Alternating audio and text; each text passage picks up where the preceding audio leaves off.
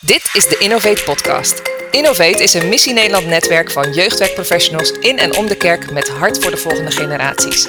Eens per maand brengen wij diverse experts uit het Missie Nederland netwerk om tafel om over een bepaald jeugdwerkthema in gesprek te gaan. Mijn naam is Martine Versteeg, relatiemanager kerk en jeugd bij Missie Nederland. In deze editie gaan we in gesprek over het vormgeven van jeugdwerk tijdens corona. En uh, aan de virtuele tafel, want we nemen het dit keer online, eh, zit onder andere Erika Zuur van Jong Protestant. Zij is daar verbindend specialist. Welkom Erika. Dank je. En uh, ja, Erika is uh, afgelopen maanden ook wel bezig geweest met hoe kun je jeugdwerk vormgeven in deze tijd. Afgelopen uh, week onder andere een ontmoeting gehad daarover met diverse jeugdleiders. en de ander is Corine Zonneberg. Zij is teamleider training en toerusting bij Youth for Christ. Welkom Corine. Dankjewel. En uh, zij uh, is uh, ook afgelopen maanden heel druk bezig met onder andere de PEP-conferenties van Youth for Christ, waarin er vooral gekeken werd naar, hey, wat kan je nou wel in deze coronacrisis wat jeugdwerk betreft, wat kun je wel doen? Dus heel tof dat jullie wilden aanhaken en met ons mee wil denken over, hey, hoe kun je nou jeugdwerk vormgeven in deze tijd? En um, ja, nou ja, ik begin maar gewoon met een eerste vraag. Van uh, wat, voor, wat is eigenlijk de grootste worsteling die jullie zien bij jeugdleiders uh, in kerken, zeg maar, wat betreft het vormgeven van jeugdwerk in deze tijd rond corona? Um, nou, Corine, reageer jij daar eens op? Ja, ik zie eigenlijk heel veel verschillende worstelingen. Um, en dat heeft denk ik ook wat te maken met gewoon de continue veranderingen van regels. Dus je ziet dat uh, het jeugdwerk dan eindelijk weer een beetje opgestart wordt en dan veranderen de regels weer en dan is best wel lastig. Van hé, hey, wat kun je nu nog wel doen en wat kun je nu niet doen. Dus er moet continu zo snel geschakeld worden uh, dat het heel lastig maakt om zo doorgang te vinden. En ik zie dat daar veel jeugdwerkers, veel jeugdleiders een beetje op stuk lopen. Van hé, hey, hoe, hoe kan ik nou wel gewoon consistent goed jeugdwerk aanbieden en hoe doe ik het op een goede manier door mezelf wel aan de regels te houden, maar ook de jongeren te bereiken. Ja, ja, en, maar in die zin, Erika, ik ben wel benieuwd van, van zie je ook wel heel veel kerken die dan geen jeugdwerk bijvoorbeeld uh, opstarten? Of dat het, waarbij het gewoon niet lukt? Ja, ja die zijn er zeker. En dat is, uh, dat is heel erg jammer. dat heeft ook te maken met het feit dat veel werk door vrijwilligers wordt gedaan. Die um, zelf natuurlijk ook gewoon hun privé hun uitdagingen hebben, zeg maar. Hè, gezinnen die ineens met z'n allen thuis kwamen te zitten. spanningen ook gewoon daardoor in het gezin, omdat ze ineens uh, voor heel veel uitdagingen kwamen te staan. Spanningen ook rondom bijvoorbeeld het behouden van je baan of niet. Dus um, privé waar, kwam, er dan, kwam er ineens zoveel op vrijwilligers af, dat er ook gewoon niet zo heel veel ruimte was om nog verder na te denken over en hoe gaan we dat tienerwerk of dat kinderwerk verder invullen. Ja. Um, ja, het vraagt gewoon heel veel van mensen. Ja, ja en in, in die zin dat, dat ik denk ook van, hè, van uh, zijn er ook nog andere worstelingen? Want je hebt in die zin de worstelingen rond vrijwilligers. Mm -hmm. uh, zien jullie ook nog andere worstelingen daarin? Uh, ik denk ook wel gewoon het um, naar online gaan bijvoorbeeld. Er zijn natuurlijk best wel wat kerken die hebben ervoor gekozen om jeugdwerk online vorm te geven. Mm -hmm. Maar het is heel anders. Het vergt een hele andere aanpak. Het is ook best wel lastig. Hoe doe je dat dan op een goede manier? Um, dus dat maakt het ook ingewikkeld. Ja, ja, en wat ik ook wel hoor van best wel wat jeugdwerkers, is dat met name tieners en jongeren, die, zitten, die zijn eigenlijk wel een beetje klaar met uh, online. He, dus uh, ze hebben vaak ook al uh, voor school dat ze elke dag online moeten. En dan hebben ze eigenlijk helemaal geen behoefte om weer online te gaan. Ehm, en dat ze daarin dus ook soort van zoeken naar, ja, hoe kan je dan jeugdwerk vormgeven fysiek, zeg maar. Juist, ja. ja. Wordt, wordt daarin, hebben jullie daarin ook het idee dat er veel uh, fysieke ontmoetingen georganiseerd worden momenteel? Nou, ik merk zelf wel wat meer, steeds meer vrijmoedigheid daarin. Um, uh, wat, wat Corine al zei, er is wel er is wat terughoudendheid en het blijft steeds zoeken van wat, wat kan wel en wat kan niet. Daarom is um, he, zit Jong Protestant daar best wel bovenop met, met jeugdwerkprotocollen ook, om maar zo zo uh, toegankelijk mogelijk en inzichtelijk mogelijk te maken van wat kan wel en wat kan niet. Um, wat ook wel een beetje speelt is, een, is ook wel gewoon angst. Van we willen niet zo'n um, corona-haard uh, laten ontstaan, zeg maar, doordat we toch uh, fysieke ontmoetingen door laten gaan. Dat is ook wel een, een stukje verantwoordelijkheid of zo die wordt gevoeld, met name door kerken. Dus dat speelt ook wel. Gewoon de angst voor besmettingen. Ja. Ja, en ik denk ook wel, want um, wat we ook een beetje in de voorbespreking ook noemden, van um, uh, iets wat mij in ieder geval heel erg opvalt, is dat, dat het ook wel effect heeft verschillende soorten jeugdwerk, zeg maar. Hè? Dus uh, wat ik net zei, Corinne, eh, vanuit Youth of Christ zijn jullie met name bezig met straatwerk. Uh, en daar is het vaak al een soort van zoeken van wat kan wel en wat kan niet. Dus uh, ik hoor hele hoopvolle verhalen over jeugdwerk die daar toch doorgaan, zeg maar. Maar bijvoorbeeld jeugdwerk wat heel erg gekoppeld, gekoppeld is aan de eredienst, dat dat nu enorm lastig is. Waar, waar, waar ligt dat dan, dan in die zin aan? Ik denk dat dat wel klopt wat je zegt. Um, en het is ergens natuurlijk heel logisch, omdat op het moment dat je natuurlijk in de eredienst maar met 30 mensen mag komen, dan hebben de jongeren vaak ook niet de plek om te komen, want iedereen mag komen. Dus dan zit je met zulke kleine groepjes. Ook zie je dat natuurlijk heel veel gezinnen juist thuis blijven en thuis meekijken, omdat het gewoon wat makkelijker is dan dat je gelijk als gezin een heel groot uh, aantal plekken inneemt in de kerk. Um, dus ik denk wel dat het, ja, dat het klopt dat dat als eerste eigenlijk soort gestopt wordt, omdat je dan ook gewoon zit met je aantallen en dat het lastig is. Wat jij zegt is wel, klopt wel. Want wij als Youth for Christ zitten natuurlijk op een iets ander vlak, omdat wij ook veel op straat uh, werken. Wij hebben natuurlijk wel een tijd gehad dat onze jongerencentra uh, dicht moesten. Um, alleen het um, bijzondere is, omdat wij zowel op straat werken als in de jongerencentra, dat wij op straat wel direct heel erg het effect zagen van dat de jongerencentra dicht moesten. Dus dat het, doordat jongeren eigenlijk geen plekken meer hadden, zowel in de kerken niet als op scholen als in onze jongerencentra om terecht te komen, zagen we de straatproblematiek echt enorm toenemen. En dat maakte voor ons wel dat er een hele grote urgentie loskwam. Dat we dachten, hé, hey, we zien op straat zoveel problemen ontstaan bij jongeren.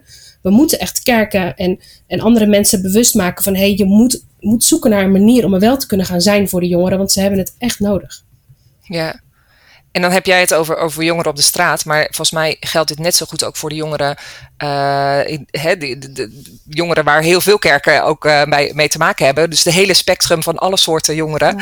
Uh, ja, zien we wel ja. dat daar ook problemen bij tevoorschijn komen. Rond eenzaamheid en dat soort dingen. Dus dat vind ik wel heel mooi trouwens hoor, Corine, wat je zegt. Dat van een soort van, hè, we, we hebben het over jeugdwerk vormgeven. Dat er ergens in eerste instantie ook even stilstaan over, ja, maar waarom? Waarom is het belangrijk dat we in deze tijd jeugdwerk gaan vormgeven. Van, en, en ik hoor jou daarin in, zeggen van, van wat, uh, nou ja, waarom? Omdat we zien dat de jongeren het echt ook nodig hebben om juist die verbindingen te hebben uh, in deze tijd van crisis. Maar goed, dan, dan zitten we daar wel nog steeds met de vraag van hoe dan?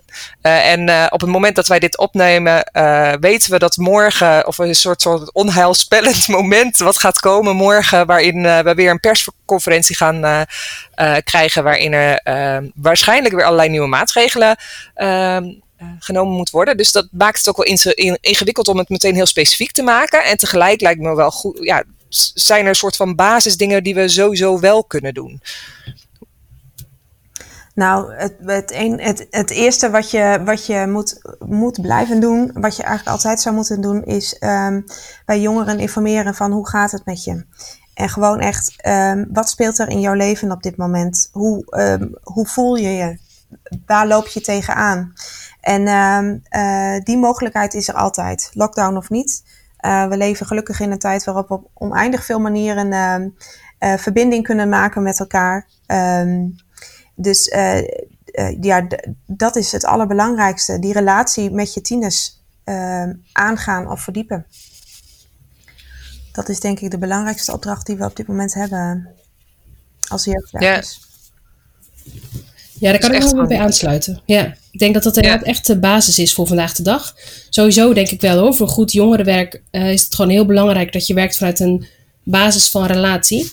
En dat is vandaag de dag gewoon nog meer nodig. Want ook als je kijkt naar van waar ligt de nood, nou ja, dat zien we natuurlijk wel in het nieuws. Er komen natuurlijk steeds meer artikelen ook die natuurlijk laten zien van hé, hey, um, naast ouderen zijn natuurlijk jongeren momenteel de kwetsbare groep die het meest geraakt worden. Ook juist omdat ze heel erg behoefte hebben aan die relatie. Ze hebben behoefte aan contact. Um, en volgens mij is het heel belangrijk dat we daar als jeugdleiders en jeugdwerkers echt in investeren. Um, inderdaad, even die vraag: hoe gaat het met je? Uh, even een appje, even een berichtje. Uh, dus noods even één op één contact of een kort wandelingetje, maar iets waarbij ze in ieder geval zich gezien weten. Ja. ja. Ja, en... ja, en dat is misschien ook wel mooi om even te delen. Hè? Toevallig dat ik afgelopen weken me daarin heb gedoken. Dus ik, ik, ik heb ze hier niet voor me liggen. Maar ik weet dat, hè, neem bijvoorbeeld uh, rond uh, mentale klachten. Blijkt dat er 74, uh, of nee, ik weet even niet meer exacte aantal. Uh, maar jongeren onder de uh, jongeren en jongvolwassenen onder de 35 jaar, dat die uh, klachten, mentale klachten daarin ervaren rond deze coronacrisis. En dat dat 14% meer is dan volwassenen. Dus dat we daarin echt zien dat, dat jongeren ehm, ja, gewoon echt wel die, die druk ervaren vanuit de coronacrisis. En dat er echt gewoon ook verbinding nodig is met anderen, met volwassenen. Ja, dat is wel inderdaad mooi om te zien. Uh, het is, en het is niet alleen de eenzaamheid. Hè? Het is ook bijvoorbeeld um, jongeren, uh, tieners die niet goed kunnen functioneren zonder de verbinding met, uh, regelmatige verbinding met klasgenoten. Waardoor schoolprestaties achterblijven bijvoorbeeld. Waar je echt heel erg onzeker over kunt voelen. En ontzettend van kunt balen. Met name bij tieners, bij wie de lat behoorlijk hoog ligt. En ook, ik, ik, noemde net al even de spanningen in gezinnen, zeg maar, die echt behoorlijk toenemen. Um, ook, dat, ook dat speelt er. En het is echt zo belangrijk om, om op de hoogte te zijn van wat speelt er in het leven van deze tiener en hoe beïnvloedt corona het leven van deze tiener. Want het kan per tiener ook verschillend zijn. Hè? Dus, uh, het is heel belangrijk om die vraag te stellen. Ja, maar goed, dus, dus we hebben het dan in die zin, als, als het gaat over hey, hoe, ga, hoe ga je jeugdwerk vormgeven in deze tijd, is eigenlijk wat jullie zeggen, joh, de basis zijn die relaties en, en het, het uh, uh, vriendschappen die je uh, in die zin vormt. Mm-hmm. Dus, maar hebben jullie daarin ook voorbeelden van, van hoe je dat zou, goed zou kunnen doen? Dus die relaties op ja, versterken, zeg maar? Wat ik zie is uh, veel kerken die besteden best wel aandacht aan bijvoorbeeld um, pakketjes uitdelen aan jongeren. Dat vinden ze dan toch makkelijk. Dus als op het moment dat je bijvoorbeeld een klein cadeautje maakt, bijvoorbeeld nu richting kerst of met Sinterklaas of uh, nou, wat voor reden dan ook, dan heb je een soort ook iets waarmee je makkelijk even naar um, langs kunt gaan en even dat contactmomentje aan de deur kunt hebben. En je merkt dat bij heel veel jongeren uh, dat best wel wat doet. Dat er dan toch even iemand soort voor ze langskomt met iets leuks. Um, wat je ook natuurlijk heel leuk zou kunnen doen, is dat je bijvoorbeeld dat koppelt aan een programma. Dat je zegt, hey, uh, vrijdagavond uh, hebben we een online programma. Uh, de materialen die je daarvoor nodig hebt. Bijvoorbeeld, je gaat allerlei spelletjes doen met kerstkransjes bijvoorbeeld. Dat je dan een zakje kerstkransjes juist allemaal langs gaat brengen. Zodat je alle jongeren even persoonlijk ziet. Even dat echte contact hebt. En dan vervolgens online, zeg maar, dat doorpakt. Ik denk dat juist zulke kleine ehm, momentjes heel waardevol kunnen zijn. Ja, ja. ja, en het grappige is, is dat ik wel daarin tegelijk van, eh, van ik vind het mooi dat je zegt van hé, hey, dat zijn een soort van uh, mogelijkheden om, uh, om even die relatie weer even aan, uh, aan te haken. Maar ik denk dat het ook wel. Toevallig heb ik net een, een gesprek gehad met, met een collega over rond eenzaamheid bijvoorbeeld. Van hé, hey, wat is het beste remedie tegen eenzaamheid? Dat is niet dat, dat cadeautje. Hè, van dat presentje wat je geeft. De, de, eigenlijk de enige medicijn tegen eenzaamheid is relatie, is verbinding. Uh, en dat is eigenlijk ergens wat je wil. En tegelijkertijd denk ik, oeh, dat vind ik echt wel ook een uitdaging voor deze tijd. Vanwege dat we komen vanuit een jeugdwerksysteem, waarin we vaak één jeugdwerker hebben op zes, zeven jeugd. Uh, of uh, tieners of uh, kinderen of wat dan ook. En hoe kun je, dat er zijn best wel veel om daar die relaties mee op te ja. bouwen. Ja, het, het, en behalve de, behalve de praktische vraag, uh, van, van hoe, hoe ga ik die relatie aan met, met, met mijn zes, zeven, acht jongeren? Hoe, hoe, daar heb, ik, heb ik daar überhaupt de tijd voor, zeg maar? Uh, is het ook nog, uh, vraagt het ook persoonlijk wel wat van je? En, en proef ik dus ook wel een stuk verlegenheid of zo? Ehm, met name aan het begin van, van, de, van deze ja, coronacrisis. Ik vind het een beetje een lelijk woord, maar goed. Uh, het begin van de lockdown proefde je wel iets van: hey, als mijn jeugdwerk ook uh, vooral gewoon de, de gezelligheid was. En, en de chips en de cola. Wat echt verschrikkelijk belangrijk is. Um, begrijp, me, begrijp me goed. Maar als dat het vooral was. Dan is het best wel een stap om nu um, uh, ineens op een veel persoonlijker vlak dat contact te gaan zoeken met je jongeren. En te vragen van hoe gaat het met je? Want dan is, bestaat de kans ook nog wel dat de jongeren denken van hoe, dit is ineens wel heel uh, um, uh, persoonlijk of zo. Um, en die angst die zit dan waarschijnlijk vooral bij jezelf, bij jezelf als jeugdwerker, meer dan bij de tiener. Waarschijnlijk vindt de tiener het heel tof namelijk dat je vraagt. Uh, maar dat proef ik toch ook wel een beetje. Van, uh, nou wordt er ineens iets van me gevraagd, wat best wel, uh, nou ook wel iets van mij vraagt als persoon. Ja. ja. ja. Nou, dat is denk ik wel heel herkenbaar hoor. Ik zie dat ook wel veel, veel bij jeugdleiders terug. Alleen ik vind het ook wel mooi wat jij net zei, Martine. Want ergens begint het natuurlijk heel erg bij die essentie. Voor mij heeft een jongere nu werkelijk behoefte aan. Ja. En ik denk echt dat dat, dat gezien, gezien worden is. En dat gezien worden is ook wel echt eventjes, als je gewoon aan de deur staat, Mhm. dat een jongere denkt, hé hey, wacht, er is echt iemand die voor mij eventjes, ehm, nou, even aan mijn deur staat, iets kon brengen, even mij ziet, even een kort gesprekje met me heeft. Ehm, en volgens mij is dat zo essentieel in deze tijd, dat je, ik denk wel als je dat misschien voor ogen houdt, dat dat een soort belangrijke basis is, dat het ook voor jezelf helpt om dan even die drempel over te stappen en te denken, oké, het voelt misschien een beetje gek, maar nou ja, wat ik doe heeft wel echt heel veel nut en heel veel effect. Ja, dat is heel Ja. mooi. Inderdaad, ehm, zet, zet gewoon een eerste stap. Maak het ook niet meteen heel groot, maar zet gewoon die eerste stap en kijk wat er gebeurt. Ja, Een appje. ja precies. Ja, dat kan ook. Belangrijk. En weet je, je kan het Ja. ook op een hele ludieke manier aanpakken. Wij hebben natuurlijk in onze laatste routekaart een aantal gewoon wat, wat ludieke spellen opgenomen. Bijvoorbeeld ehm, dat je een wc-rol pakt en dat je de jongeren geeft, eh, dat je de wc-rol bij de eerste jongere voor de deur zet. En die moet dan vervolgens een boodschap erop schrijven en dan bij de volgende jongeren brengen. En dan gaat die wc-rol, zeg maar, alle jongeren bijvoorbeeld langs. Ehm, Oh ja. Of je maakt er een of ander, ander spel van. Eh, Verschillende opties hebben we benoemd. Dan maak je er een soort eigenlijk iets grappigs van, maar dan zet je wel een beetje zo'n proces in werking. Dat je elkaar toch op een of andere manier even ziet, of even contact hebt, of weet waar je woont. Ja, ja en ik, ik denk los daarvan, volgens mij is het nog steeds, in ieder geval nu en hopelijk na morgen nog steeds mogelijk om wel met eh, tieners bij elkaar te komen. Zeker. Zeker. Dus dat, ja. moet je ook, eh, eh, dat zou ik ook absoluut, eh, absoluut doen. Eh, en al is het maar buiten, hè. Ga, ga buiten, weet ik veel, eh, steek een vuurkorf aan en ontmoet elkaar gewoon lekker buiten. Of eh, maak een wandeling of eh, ga iets ondernemen met elkaar. Ja, dat, dat zou ik alleen maar eh, aanmoedigen. Ja, ja. En ik denk in die zin is het ook wel van, eh, kijk, vermoedelijk zullen de groepsgrootte steeds variëren van hoe, met hoeveel mensen je bij elkaar zou mogen komen. Maar ehm, eh, ik denk dat er dat ook wel eh, kracht ligt in de verschillende groepsgroottes. Van, hè, dus als je met een grote groep bij elkaar komt, is dat tof. Maar dus denk ik ook wel een, een waarde in met een kleinere groep bij elkaar komen. Ehm, ik eh, hoorde zelf daar, daarin dan eh, een, een verhaal van een jeugdleider die helemaal enthousiast was. Die ergens heel erg tegenop keek dat ze maar voor, met drie mensen eh, gingen afspreken. En daar echt zoiets van ja, maar dat doe ik het eigenlijk alleen maar voor die drie tieners. Maar vervolgens kwamen ze terug en ze waren laaiend enthousiast. Want er was nog nooit zoveel kwetsbaarheid in de groep. Vanwege dat ze eindelijk durfden te komen met hun kwetsbare vragen, twijfels. en waar, waar je niet zo, als, zeker als tiener, niet in een grote groep neer gaat leggen. Precies. Precies. En Ja, mooi. Wat dat betreft is corona natuurlijk ook gewoon eh, ergens een blessing in disguise. Want het is ook. eh, ehm, eh, je komt ook voor hele leuke verrassingen te staan. Van hé, hey, maar als, het, als we het zo moeten doen, eh, misschien werkt het zelfs nog wel een beetje beter. En ehm, eh, ontdekken we de kracht van relatie en inderdaad de kracht van het persoonlijke gesprek. En eh, dat daar gewoon prachtige dingen in kunnen gebeuren. Ja, Ja, ja, er zijn gewoon heel veel kansen. Dat is eigenlijk wel het mooie ook wat je ziet. Ja. Ja. Nou, en dat is denk ik ook wel, eh, de Fox eh, zo mooi, Corine, wat in de voorbespreking wat jij zei. Hè, van, ehm, kijk, we kunnen benoemen allerlei worstelingen die we nu zien in het jeugdwerk. En ik vond het wel mooi eh, toen ik de vraag stelde, en die stel ik nu ook gewoon. Hè, we hebben het over allerlei worstelingen gehad. Ehm, eh, maar wat is daarin, zeg maar, hoe reageer je op die worstelingen? Ja, en ik zei inderdaad, wat ik zie is dat heel veel mensen zich een beetje soort blind staren op van, oh, dit kan niet meer, dit kan niet meer. Terwijl je kan er ook voor kiezen om juist te bedenken, oké, wat kan er nog wel? En juist daar heel erg op in te zetten. En dan zie je ook dat er opeens hele eh, toffe dingen gebeuren. En dingen die je misschien helemaal niet eh, voor mogelijk had gehouden.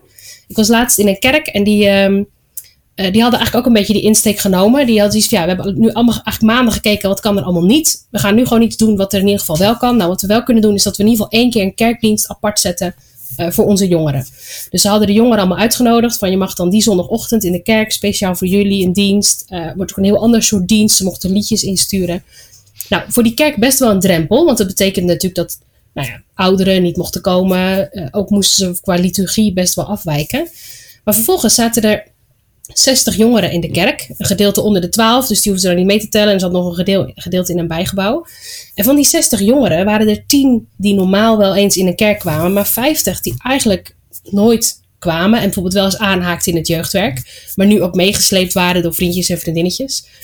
Ehm, ja, het was echt super gaaf. En al die jongeren waren eigenlijk heel blij, want die mochten elkaar eindelijk zien. En ze hadden een soort activiteit waar ze met z'n allen naartoe konden. Nou, daar kwamen ze dan zondagochtend wel in bed voor uit. Ja, grappig. Uh, ja. Dat was wel tof om te zien. Dacht ik, oh ja, als je kijkt naar wat er wel kan, dan gebeuren er hele bijzondere dingen. En dan heb je opeens gewoon een heel aantal buitenkerkelijke tieners in je kerk zitten. Ja, ja, en wat dat betreft, want dit, dit, dit laat ook maar zien, zeg maar, dat de nood onder jongeren zit niet alleen maar onder de, de jongeren die verbonden zijn aan jouw gemeente. Die zitten echt veel breder. En ik denk dat, je, dat we zoveel kinderen, tieners en jongeren uh, die nu momenteel uh, geen, ja, geen, helemaal geen verbinding hebben zeg maar, met kerk, dat we juist ook voor hen uh, in die verbinding die we proberen te houden met de jongeren binnen onze gemeenschap heel veel kunnen betekenen. Dus uh, tof om dat te horen, dat er dan zo'n groep van 50 gaat aanhaken. Hoe tof. Ja. ja. Ja. Heel leuk. Ja, hey, en um, nu, nu kan ik me voorstellen dat er mensen meeluisteren die dan aangeven van ja, um, uh, uh, het is er gewoon nog niet van, van gekomen om jeugdwerk op te starten. Of hè, um, het, ligt inderdaad behoorlijk stil. En ja, welke, wat, moet ik nou doen of zo? Hè? Van, wat zijn de eerste stappen die je dan weer kunt zetten? Wat voor advies zouden jullie aan zulke mensen willen meegeven?